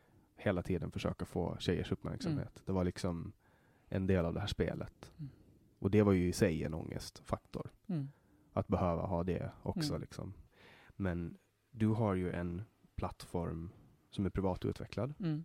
en onlineplattform. Mm. Köper OHS in tjänster av er? De har faktiskt, eh, faktiskt eh, första patienten har de faktiskt köpt nu, så det är jättekul att, att Så de, det är en nyhet? rakt- Ja, rent av. från deras sida, ja. Kul. ja. Mm. Eh, och är det, på, är det på ett sånt stadie att det finns en betalningsförbindelse? Ja, precis i det här, liksom, ja. Så, så nu kan man alltså gå till primärvården och få Alltså, Det kan jag nog absolut inte lova, Nej. det måste man nog. eh, Nej. Men, men det bor liksom, jag tänker att, att om man tänker på den mängd patienter som skulle komma bort från OHS, eller liksom då, som skulle få mycket vård mycket snabbare. Jag tänker om, om alla som kommer in för panikattacker skulle erbjudas en, en internetbehandling för ångest då, så, så det är ganska många som skulle komma bort. mm, det är väldigt bra det är väldigt bra siffror på positiva behandlingsresultat Mm, från mm. KBT. Ja. Eh, och det här är ju ett synnerligen billigt sätt att göra det Mm. i förhållande till, och nu ska man ju inte egentligen prata så mycket pengar i, inom vård, men i, vad det kostar med vad är det, 15 timmar med en Ja. behandlare Ja. kontra en, en onlinebehandling Mm. där infrastrukturen är lagd. Mm. Liksom. Mm. Så det, är- det Och man ska komma ihåg att det är inte så att man får sämre behandling, utan tvärtom, man får precis samma behandling Mm. eh, som om du kommer till mottagning. För det har jag någon gång mött på. Ja, men, men att eh, jag vill få bra behandling. Och jag skulle säga att, att i en internetbehandling så får man väldigt bra behandling för att det är, liksom, det är väldigt strukturerat och det är liksom alla delar finns på plats. man kan för- gå igenom det om och om igen. Ja, precis. Och när jag tänker när någon kommer till mig till, på, på mottagning eller när jag har någon i videoterapi så tenderar jag kanske också att glömma bort vissa, vissa delar själv. Men i en internetbehandling så går det inte att glömma bort någonting för det är liksom alla delarna är redan där. Mm. Och så får man hemuppgifter och sånt som man, man gör via Ja, man liksom, eh, jag brukar säga att man ska som boka en tid i veckan då man liksom jobbar per, med varje avsnitt i internetbehandlingen. Och sen att man loggar in en gång till, en gång i veckan i alla fall, och gör uppgifterna som finns och funderar på sig själv. Och det är precis samma sak som du skulle göra om du ska komma på en mottagning. Då skulle du jobba med din behandlingsbok och du gör uppgifter emellan. Eh, och, eh, och sen när du kommer nästa gång så diskuterar vi hur det hade gått då och, och vad, vad var sånt som var oklart i det du jobbade med. Mm. Och på samma sätt så eh, kan ju patienten då i en, en internetbehandling kan den ju skriva till mig att, att um, nu förstod jag inte den här uppgiften, kan du förklara den åt mig? Just det, så då har ni liksom en kontakt även på Även, även fast ni... Ja, eh, eh, liksom det är väldigt viktigt att komma ihåg det där att internetbehandling, jag har fortfarande samma behandlaransvar som om jag skulle ha patienter på mottagning. Det är liksom ingen skillnad där. Mm. Och jag skrev ju en insändare mm. för, för några veckor sedan och det var så vi kom i kontakt mm. inledningsvis. Och då skrev jag om, om, om, mina erfarenheter med KBT och du och en kollega mm. svarade på det här. Uh, och då hamnade vi i ett samtal efteråt där vi pratade om de här tre olika Ja, uh, och de här stegen är då primärvård, krävande medicinsk rehabilitering eller rehabiliterande psykoterapi och sen psykiatri. -hmm. Och att man på Åland har väldigt mycket primär, primärvård och väldigt bra primärvård mm. och väldigt bra psykiatri. Men det här mellansteget, mm. krävande medicinsk rehabilitering eller rehabiliterande psykoterapi, mm. att det har lite på något sätt fallit mellan stolarna. Mm, mm, vad, mm. vad, vad beror det på? Ja, det måste du fråga de som... som Okej, okay, vi, vi formulerar om frågan. Ja. Vad är krävande medicinsk rehabilitering eller rehabiliterande psykoterapi? Ja, eh, krävande medicinsk rehabilitering eller rehabiliterande psykoterapi, det är FPAs eh, ehm, och egentligen statens garanti för att det ska finnas terapi för människor som är i behov av den. Eh, primärvården ska jobba då med primärvård, alltså grundläggande vård. Och psykiatrin ska jobba med psykiatri. Och det som kanske har hänt lite på Åland, för att man har glömt bort det här andra steget, så skulle jag säga, att, eh, att man har liksom... Det som eh, eh, primärvården har, blivit, har liksom förstorats ut och kanske också psykiatrin har förstorats ut. Så man liksom den patientgrupp som hör till FPA, eller staten, så har man liksom glömt bort att den den har liksom skjutsats in på psykiatrin eller på primärvården Och det är för att vi har lyxen att ha... Ja, det ett... måste ju vara så. Vi måste ha för mycket pengar här. Ja, jag vet inte vad vi, vi har OHS, så vi glömmer bort att vi kan nyttja finska statskassan Exakt, till att ja. bekosta den här ja, andra delen av vården. Exakt. Mm, mm. Och, det och, tar, det, och det tar resurser från psykiatrin? Förstås, förstås. Och jag tänker på fastlandet skulle det inte finnas en endast en psykiatrisk mottagning som skulle ta emot en patient som hör hemma i då steg två, alltså för FPA. Och det kan exempelvis vara? Um, till exempel om du eller jag blir sjuk, vi blir deprimerade um, och vi jobbar och vi vill tillbaka på jobb så snabbt som möjligt. Och då skulle det vara en rehabiliterande psykoterapi. Man skulle, då ska jag gå till min psykiater en, eh, två gånger, först en gång och sen tre månader senare på en uppföljning och se min motivation. Uh, se om jag liksom är motiverad att gå i terapi så att säga. Och då skulle psykiatern skriva ut ett, ett B-utlåtande till mig och så skulle jag lämna in min ansökan till FBA och jag skulle börja, påbörja min rehabiliterande psykoterapi. Och det kan vara genom den offentliga vården? Det kan vara, det blir, mm, på fastlandet vet jag att många som, mm, om man till exempel då jobbar och har arbetshälsovård, så, så om den här vanliga allmänläkaren märker att nu är det, liksom, nu är det tokigt här och då skickar man kanske direkt till, till en psykiater på, på den här arbetshälsovården och så att man kommer igång och får sin, sin FBA, sitt intyg till FPA ganska snabbt, liksom, att man inte just hamnar i några rullor. Um, utan att man liksom kommer vidare så snabbt som möjligt. Så har man tre månader på sig att hitta en terapeut som man vill gå hos. Och det kan vara någon i privata näringslivet? Det är alltid, FPA an, liksom anlitar alltid då uh, ans, liksom, privata aktörer för sina tjänster. Då. Gällande då rehabiliterande psykoterapi eller eh, krävande medicinsk rehabilitering. Så det är alltid, det är liksom inte offentlig sjukvård på det sättet. Men det är ändå offentlig sjukvård eftersom ja. det är statskassa. finns, finns det tillräckligt många privata alternativ på Åland? Det finns, ja. Då kan... Och då finns det ditt företag och sen finns på Cityläkarna finns det flera och på Medimar finns det. Man, man kan gå in på FPAs hemsida och uh, söka på serviceproducenter. Uh, och sen finns det någon, några andra också som är helt privata. Då.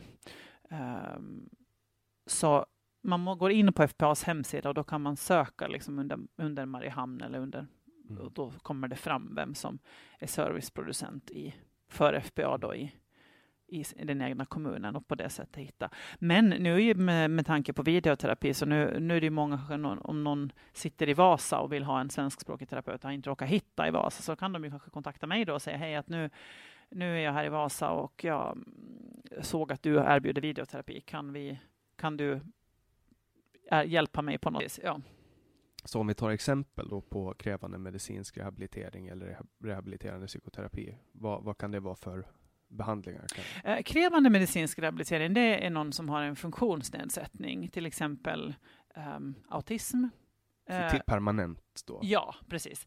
Uh, så så då, då är man liksom på, på det som det finns liksom två olika och det är då krävande medicinsk rehabilitering. Och då kan du vara, eh, också barn kan få en krävande medicinsk rehabilitering. Och då, eh, många kanske har både talterapi och ergoterapi och sen också då en psykoterapi, så de kanske springer på väldigt mycket. Men, men, och, men då, och då är det den offentliga sjukvården som gör upp den här planen för att vad behöver den här, det här barnet till exempel då för men, men sen då rehabiliterande psykoterapi, det är till exempel för personer i arbetslivet som, som så att säga kanske har varit sjukskrivna en, någon månad och ska tillbaka till arbetslivet eller, eller um, jobbar ändå hela tiden men, men har en psykisk ohälsa. Uh, så, så det är egentligen en ganska stor patientgrupp som jag tänker att man på, på OHS har liksom paketerat in i, i OHS-kassa. Man har tagit lite för mycket ansvar. Ja. Uh, och och det här ska alltså, genom att ändra om lite i strukturen, och så skulle man alltså kunna öka servicenivån ytterligare på OHS? Ja, det borde ju rimligtvis vara så, för då tänker jag att då skulle det kanske ge mera plats åt de som faktiskt då hör hemma på psykiatrin. Mm. Och de som hör hemma på en rehabiliterande psykoterapi har en rehabiliterande psykoterapi. Finns det statistik på hur många ålänningar per capita som använder sig av Ja, och den kan jag skicka till dig. Jag har ja. den någonstans. Men utskiljer det sig att, vi, att ja, vi det är mindre? Ut, det är mycket tydligt att det är mycket mindre på Åland. Ja. Okej. Vet folk om det här? Nej. Vad, vad beror det på? För det här känns ju som någonting som alla som är intresserade av att höja servicenivån eller spara pengar bör vara intresserade ja, av. Mm. Vi får hoppas på att många politiker hör det här. Ja. För att vi har ju den här podden har ju varit väldigt politisk. Vi har haft väldigt många politiker med. Eh, och, och politiska intresset är väldigt högt mm. bland de som lyssnar. Mm. Så vi får hoppas på att alla politiker som lyssnar drar åt sig öronen, för mm. det gör jag. Ja. ja, så tänker jag, bara, och så tänker man liksom på också möjligheten för, om vi då tar internetbehandling, som, som du själv har bra erfarenhet av. Liksom, uh, tänk om man kan också få in det som ett komplement i vården. Mm så kanske det är tio till som, som snabbare får vård och som snabbare kan komma ut tillbaka i arbetslivet. Mm. Kan man använda KBT till att sluta röka? Um, vill du sluta röka? Nej men alltså, jag har slutat röka, okay. men, men kan man använda det till att sluta röka? Som alltså, metod för att ja, sluta alltså, röka? För det skulle man ju spara supermycket pengar på. Alla som vill sluta röka, kasta in en internetbehandling åt dem. Liksom. Ja. När det gäller internetbehandlingar så vet jag inte om man vid Karolinska har utvecklat någon modell för sluta röka. Um, men vi erbjuder i alla fall inte. Vi erbjuder för generaliserad ångest. Kom, kom mm. Vi erbjuder för generaliserad ångest, utbrändhet eller stress då, och depression och sen sömnproblematik och sen ångest. Då. Och det som är nytt nu är väl också det att vi erbjuder för ångestbehandling för unga. Att tidigare så var internetbehandling alltid bara för vuxna, alltså över 18 år. Men nu eh, har vi också kunnat erbjuda då en ångestbehandlings internet då mm. för mm. unga. Och, den är, och då har man, då har de som utvecklade har, har gjort ångestbehandlingsprogrammet då mera lättillgängligt för unga med, med, exempel och så för unga. Och på samma sätt som när jag har någon som kommer på mottagning eller via videoterapi så då jobbar den ju också med en behandlingsbok bok, beroende på uh, jobb, har jag en vuxen så jobbar den med en vuxenbehandlingsbok. Har jag en ung så jobbar den med en ungdomsbehandlingsbok med samma då tema. Eller med barn så har jag en behandlingsbok för barn. Så, att, så, så det är kul att man nu också det är målgruppsanpassat? Ja, ja, ja. Och nu är det kul att vi då har kunnat erbjuda en ångestbehandling för unga. Mm. Så, och, och, allt det här som du sysslar med faller inom den andra kategorin, då rehabiliterande psykoterapi? Eh, internetbehandling eh, räknas inte till rehabiliterande psykoterapi, utan det är liksom, brukar faktiskt anses som primärvård. Okej. Jag skulle, gi- om jag skulle gissa, skulle jag gissa att det var psykiatri. Ja, man, eh, vad heter det? man kan ju bra använda det också inom psykiatrin. Mm. Men det brukar sådär på, på mm, var placerar man in det så brukar det ses mer som primärvård. Mm. Men, Så en men, allmänläkare kan liksom skriva ut en Exakt, ja. För att Ja. nu, nu tänker ju jag som har varit några svängar inom psykiatrin att det där är någonting som man borde få från psykiatrin. mm, Att de bara ska säga, nej men du har ju liksom ingen medicinskt, alltså vi, Mm. du borde, och, och att, att de kan Ja. skicka en tillbaka ja, remiss. eller vad man precis. Ja, säga. precis. Och det är väl, det, där är väl det liksom, ehm, jag tycker det är väl det som är bra, att även om man så att säga brukar kategorisera in en internetbehandling mera som primärvård, så går den ju hur bra som helst, precis som du säger, att använda för patienter i psykiatrin. Men, men att jag brukar alltid vilja träffa patienten först och göra en bedömning. Passar den för internetbehandling? För det är inte heller så att alla passar för en internetbehandling. Det är inte så att nu ska alla börja gå in i internetbehandling. Utan internetbehandling ska vara ett komplement för dem som det passar för. Mm. För det finns de som, som inte, på samma sätt som du sa, att du har svårt att hålla motivationen att träna, Mm. så finns det också de som har svårt att hålla motivationen med att, att jobba med sin behandling om de inte kommer till mottagning. Och då ska man ju komma till mottagningen om man inte klarar av att för att med en internetbehandling så, så kräver det ändå ganska mycket av den där egna disciplinen. Mm. Det är som en distansstudie. Liksom. Ja, man kan ju säga det så, ja. Mm. Mm. Ja. Och vi har pratat om, eller vi, pratade också då när vi, när vi pratade förut, så pratade vi om hälsoångest, tvångsproblematik och, och flygfobi och sådana saker. Mm. Är det också sånt som ni behandlar? För det känns ändå som, alltså, eh, som lyxproblem, men Mm. ändå jävligt stora problem. Mm, mm, mm. Alltså Ja, flygfobi till jag exempel. tänker, eh, vad heter det, mm, ångestbehandlingsprogram, om vi nu pratar om internetbehandlingar specifikt, så ångestbehandlingen så har vi använt med, precis som du sa, både med flygfobiker, med, med hälsoångest, patienter med social fobi, Eh, så den, den går att använda på en ganska stor patientgrupp. Det som vi brukar göra då, jag och mina kollegor, är att att vi kanske eventuellt tar några sessioner då via videolänk ehm, där vi går igenom det som är specifikt för kanske då flygfobi. Mm. Och så kanske patienten själv också sen får jobba med en specifik liksom, med, med någonting som har att göra med specifikt flyg, flygning. Men, men den här ångestbehandlingen, den är den som vi har använt allra mest och den som ehm, ehm, går att använda på flest. Mm. M- Men vi har lite, eftersom man kan också ha, jag tänkte att på Karolinska så har de till exempel också haft specifika social fobi behandlingsprogram. Eh, nu är den här mer en allmän och då har vi Mm. behövt lite modifiera och då har vi gjort så att till exempel Ingrid, min kollega, så hon har, hon har tagit alla patienter då, som kommer i internetbehandling eh, som har haft hälsoångest, för då har hon tagit sen två sessioner då hon har gått igenom specifikt det som gäller för hälsoångest. Mm. Och det är alltså kroppsfixering, typ? Hälsoångest, eller? Hälsoångest är att man är orolig över att man håller på att bli sjuk. Eller Okej, att, någon, någon får- okej. att man... eh, Det, det, Man går runt och oroar sig över att någonting... ja, man kanske går och klämmer. Ja, mm, det kallades hypokondri tidigare. Ja. Ehm, och då till exempel man går och klämmer, oj nu har jag någon knöl här, oj har jag fått cancer, eller Mm. har hunden månne cancer, eller har mamma och pappa cancer, eller liksom att man Ja. går omkring och oroar sig för ehm, sjukdomar. Ja. Och I alla fall så om man tänker på mm, specifika fobier, till exempel då um, hundfobi, så Mm. det är ju alltid någonting som har, där man har blivit skrämd av någon i något slag. Ehm, när det gäller ormfobi och spindelfobi till exempel, så där det är vi färdigt inprogrammerade alla människor på att vara, vara på vår vakt för onda ormar och spindlar. Mm. Så, så det är mycket vanligare med att man har spindelfobi eller mycket vanligare att man har ormfobi. Just för att vi är predisponerade att vara rädda för de djuren. Mm. Eh, och då om man börjar, precis som du nämnde själv, att du började undvika de platser där du hade, panik, hade fått panikångestattacker, eh, så kan man ju på samma sätt börja undvika att eh, vara på platser där man vet att det kan finnas ormar och så börjar jag begränsa mitt liv och blir rädd för liksom, sist och slutligen så kanske jag inte ens kan komma ut. Mm. Det var ju också en sån grej att jag kunde alltid fly. Om jag lämnar rummet, panikångestattacken uppstod i, så kunde jag lämna paniken där. Mhm. Men problemet var det när jag satte mig på en buss, tunnelbana eller flyg Mm. så, så kunde jag inte lämna. Nej. Och då var det som att jag beställde en panikångestattack när jag satte Mm. mig i de situationerna. Mm. Och det gjorde ju att jag höll mig hemma. Mm. Eller gick. Mm. Och börjar det ju begränsa ditt liv väldigt, väldigt mycket. Ja. Och till sist så kunde jag inte gå ut. Nej. Alltså jag måste, jag kunde gå ut om jag tog benzo innan. Men, men rumla runt i fyllan liksom för att man ska gå till matbutiken. Ja, det funkar ju inte. Och det är ju, benzo är ju liksom torr alkohol. Man lägger lock på allt. Och, och så. Och jag tror inte att det är en långsiktig lösning och jag tycker inte att benzo ska användas överhuvudtaget förutom akuta situationer där man måste använda det.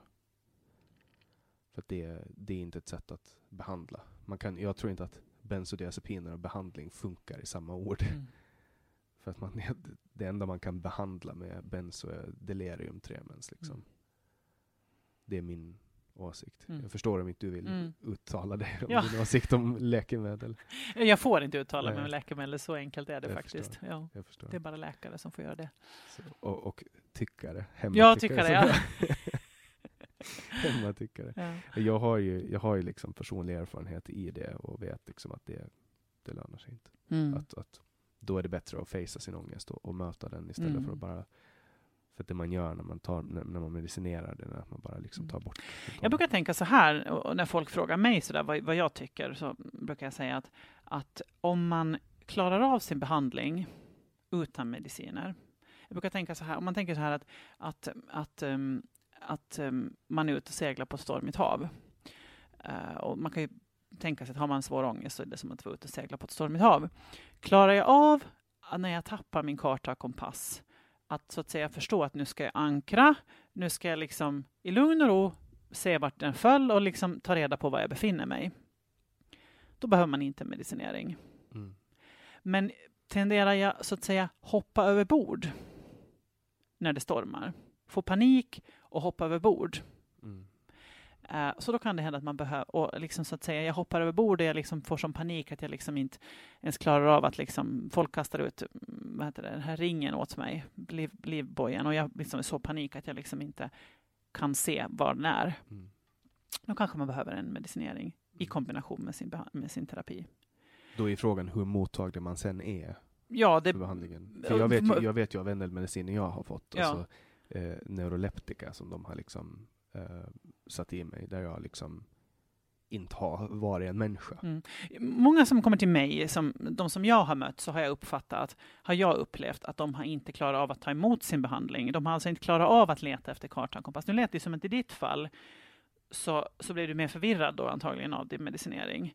Medan, medan om vi tar den här metaforen, så då lät det ju som att du, när du sen slutade, om jag förstår det rätt, så när du slutade med din medicinering, så klarade du själv av att kasta i ankaret och börja leta efter karta och kompass. När smärtan av att leva med panikångest blev så stor att ehm, när smärtan blev så stor att jag inte klarade av att, att, att smärtan av att genomgå en behandling var mindre plågsam. Mm.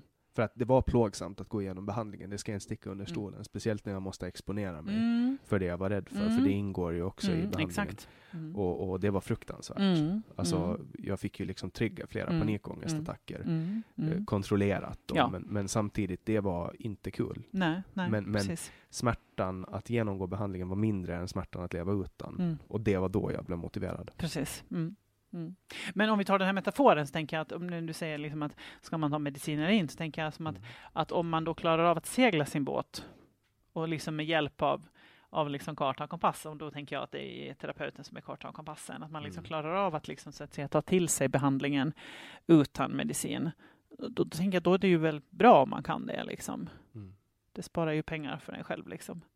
Mm. Eh, Men om man inte kan det, då tänker jag att då kan man kanske fundera liksom, på en medicin för att kunna ta till sig behandlingen. Då. Mm. Och, och fysisk aktivitet.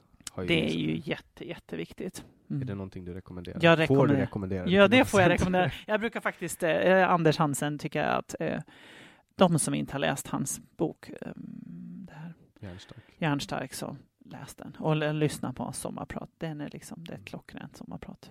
Mm. Han har en annan bok också. Han har flera böcker. Han har både en om ADHD och sen har han en om eh, digital, om användningen av, av eh, datorer och Mm. telefoner. Ja, jag, har läst, jag har läst alla hans, hans böcker. Han är, han är faktiskt väldigt, väldigt bra. Mm. Sen finns det ju också, eh, och nu, nu är det kanske inte ditt fält, men när man kollar på populär psykologi, Mm. som man ändå kan kalla eh, vissa kategorier, så finns ju de här olika beteende test, alltså de här olika beteendeförklaringarna. Du vet den här gul, röd, grön och, och blå. Eh, och han har ju också, Thomas Eriksson tror jag han heter, han som skrev den boken, Omgiven av idioter. Det har ju blivit jättestort. Mm. Vad är din take på det? Kan man kategorisera människor i fyra färger? Nej. Varför inte? Vad är problemet? Varför inte? För att Ja. om man tänker just på eh, olika psykologiska testningar så det är ju väldigt, väldigt lång forskning som är eh, basen för de här psykologiska testningarna. De har ju liksom test, lite samma sak som med en internetbehandling. Den funkar eh, för att den är framtestad. Det är liksom stora patientgrupper som har liksom testat sig fram till de här ehm, ehm, till att materialet och materialet har omarbetats tills man har hittat det som faktiskt funkar. Han som faktiskt startade KBT, Aron Bäck, han är väl långt över 90 år idag, aktiv som bara den fortfarande. Um, så han, um, han var ju faktiskt psykoanalytiker först och um, gjorde en studie på, deprim på deprimerade. Han skulle göra sin doktorsstudie och hela hans studie fallerade. Teorin han använde funkade inte. Och då fick han sätta sig, och, sätta sig och fundera om att vad gör jag för fel här nu? Vad är det som inte funkar? Och på det sättet sen så utvecklade han en form som faktiskt funkar och sen har man lagt till mera. När man har börjat säga att nu behöver vi någonting till här så har man tagit in mindfulness och man har tagit in acceptans och, och så. Så jag tänker att, att, ehm, att det att kunna kategorisera in folk i fyra färger på en basen av, av att vem som helst gör det, det låter lite, lite otroligt. För med tanke på att, att man tänker att psykologiska testningar faktiskt är utvecklade under, liksom, under forskning och under vetenskapen och det är människor som jobbar i branschen som har stor, som har, som har stor och, liksom, kunskap på ämnet som gör de här testningarna. Vad tror du det är som gör att det här blir så otroligt populärt? För den här boken har ju, alltså, alla har ju läst den här boken. Ja, jag har inte läst den. Men du vet vilken jag pratar Jag vet om? vilken bok du pratar om. pratar om. Ja, jag har inte läst den. Ja. För att det känns ju som att det är liksom, att det är för att det är enkelt som människor tycker om att, alltså att man köper den här Mm, bilden av att mm, alla människor, mm, men det där mm. faller ju direkt i boken för att eh, alla har ju en färg, men sen om man blir stressad, då får man en annan färg. Ja, just det, sådana precis, grejer, ja. så att det blir Mm. liksom en sån här komplex grej. Så att, jag vet inte. Jag tänker bara att det kan vara intressant att, att få din syn på det också. Ja, ja det, psykolog, psykologer i Sverige har ju gått ut väldigt hårt emot den här boken, så det är ju skönt att de har talat också, Mm. gått ut med att det här är faktiskt tyvärr nu inte, det här är ingen vetenskap, det här är liksom, Alternativ vetenskap. Ja. Som man gör i dessa tider. Man Mm. sätter alternativ Mm. framför allt. mm, Men du nämnde att man har tagit in mindfulness och, och acceptans. Mm, Det, det är ju lite, alltså om man kollar på KBT, det är väl mycket tanke, handling, Mm. konsekvens. Alltså man, man ska och, analysera. accept, och acceptans av, Ja. av sina tankar. Mm. Att det är på något sätt att man har inkorporerat andliga element. För det här finns ju i väldigt många andliga utövningar. Mm, mm, Eh, alla världsreligioner har ju någon form Mm, av mm. moralisk regel Mm, kring det här. mm. Att man ska acceptera saker och att man inte ska älta och hålla mm, på. Mm. Eh, kan det här bara vara alltså att det är vetenskapen som plockar de bästa delarna ur? För att det här har ju funkat i många Mm, tusentals mm, år, mm, den mm, andliga mm. biten om man tar buddhisternas sätt Ja, att bara absolut. acceptera. Ja. Eh, att, att det här är vetenskapen som tar det bästa av andligheten. Mm, så kan det vara. Och jag tänker om, om du tar en, eh, en muslim som ber fem gånger om dagen och som eh, liksom fem gånger om dagen sätter sig ner och fokusera på någonting annat eh, så kommer det att funka på samma sätt som när vi bar bordsbön förr i världen. Då liksom, eh, jag har själv gått i skolan när vi bad, bords, bad bordsbön innan vi gick till, till, till matsalen. Och det har, det, det, poängen med de ritualerna handlar ju egentligen inte kanske så mycket om vad du säger så, utan mer det här att lugna dig, stilla dig, samla dig. Och idag så tenderar vi att så fort vi står på busshållplatsen, ja vad gör du? Tar upp telefonen. Exakt. Eller tänder en cigarett. Eller både och. Nu röker inte jag längre. Nej, precis. Men om du istället skulle ta den där, den där eh, fem minuterna när du står och väntar på bussen till att, att göra en mindfulnessövning Mm. så skulle det ju ha kanske en helt annan effekt på din, på din, på din hjärna och på din stressnivå i hjärnan. Och där tänker jag liksom att, att vi har ganska mycket att lära oss. Vi har liksom på något sätt tappat bort de här grejerna i vårt samhälle. Idag är vi så rädda för allt som heter andlighet i Finland. Mm. Så vi har istället då måste plocka in det i olika yogagrupper och liksom genom att flytta till sommarstugan. Jag själv kom tillbaka från sommarstugan här nyligen. Vi behöver liksom, Vi säljer det i nya förpackningar. exakt, men det är liksom samma sak det handlar om. Och, och jag tror att det är det som, som rökare pratar om när de säger att de blir lugna av att röka. Mm. Att det har egentligen inte med cigaretten eller nikotin att göra, utan det gör att man går ut, man tittar runt sig, man står i fyra, fem minuter Mm. och andas djupt. För även om man andas in 200 cancerogena ämnen och massa kolmonoxid så andas man fortfarande djupt och, och tar in omgivningen. Och det är väl lite det mindfulness går ut på. Mm. Och det kan man göra ändå. Man kan Mm. gå ut och titta på Mm. naturen och andas Ja, ändå. men det är ju det som har varit tråkigt, att vi som aldrig rökte, vi fick ju aldrig gå ut på de här pauserna. Nej, exakt. vi sa att det var bara, vi fick alltid vara kvar på jobbet. Mm. Och, det, och den, den frustrationen kan jag förstå, för nu, nu när jag har slu, jag slutade röka för två och ett halvt år sedan och, Mm. och på jobbet så kunde jag alltid kasta avundsjuka blickar när rökarna samlades i sin lilla coola grupp och gick ut och, Mm. och rökte. Mm. Mm. Nu har vi harvat oss igenom två timmar. Och vad har vi pratat om? Vi har pratat om KBT Mm. Ganska mycket om KBT. Och sen Mycket pratar om jämställdhet en del också. Det är också en av mina. och män, Mm. eh, mäns ansvar. Mm. Men eh, då tackar vi så jättemycket för att du kom hit, Petra Berg. Tack för att jag fick komma. Och vi hoppas att ni har fått ut någonting av det här samtalet. Om ni tycker att det jobb vi gör är bra så är ni välkomna att gilla och dela våra filmer som vi släpper ut varje onsdag. Varje onsdag kommer det också nya samtal som ni hittar på www.samtal.ax. Önskar ni se någon speciell gäst så får ni gärna gå in på vår hemsida och tipsa. Till nästa gång så önskar jag er en riktigt, riktigt trevlig vecka var du än finns. Jag heter Jannik Svensson. Producent för det här avsnittet var Didrik Svan. Du har lyssnat på Säg vad du vill Åland.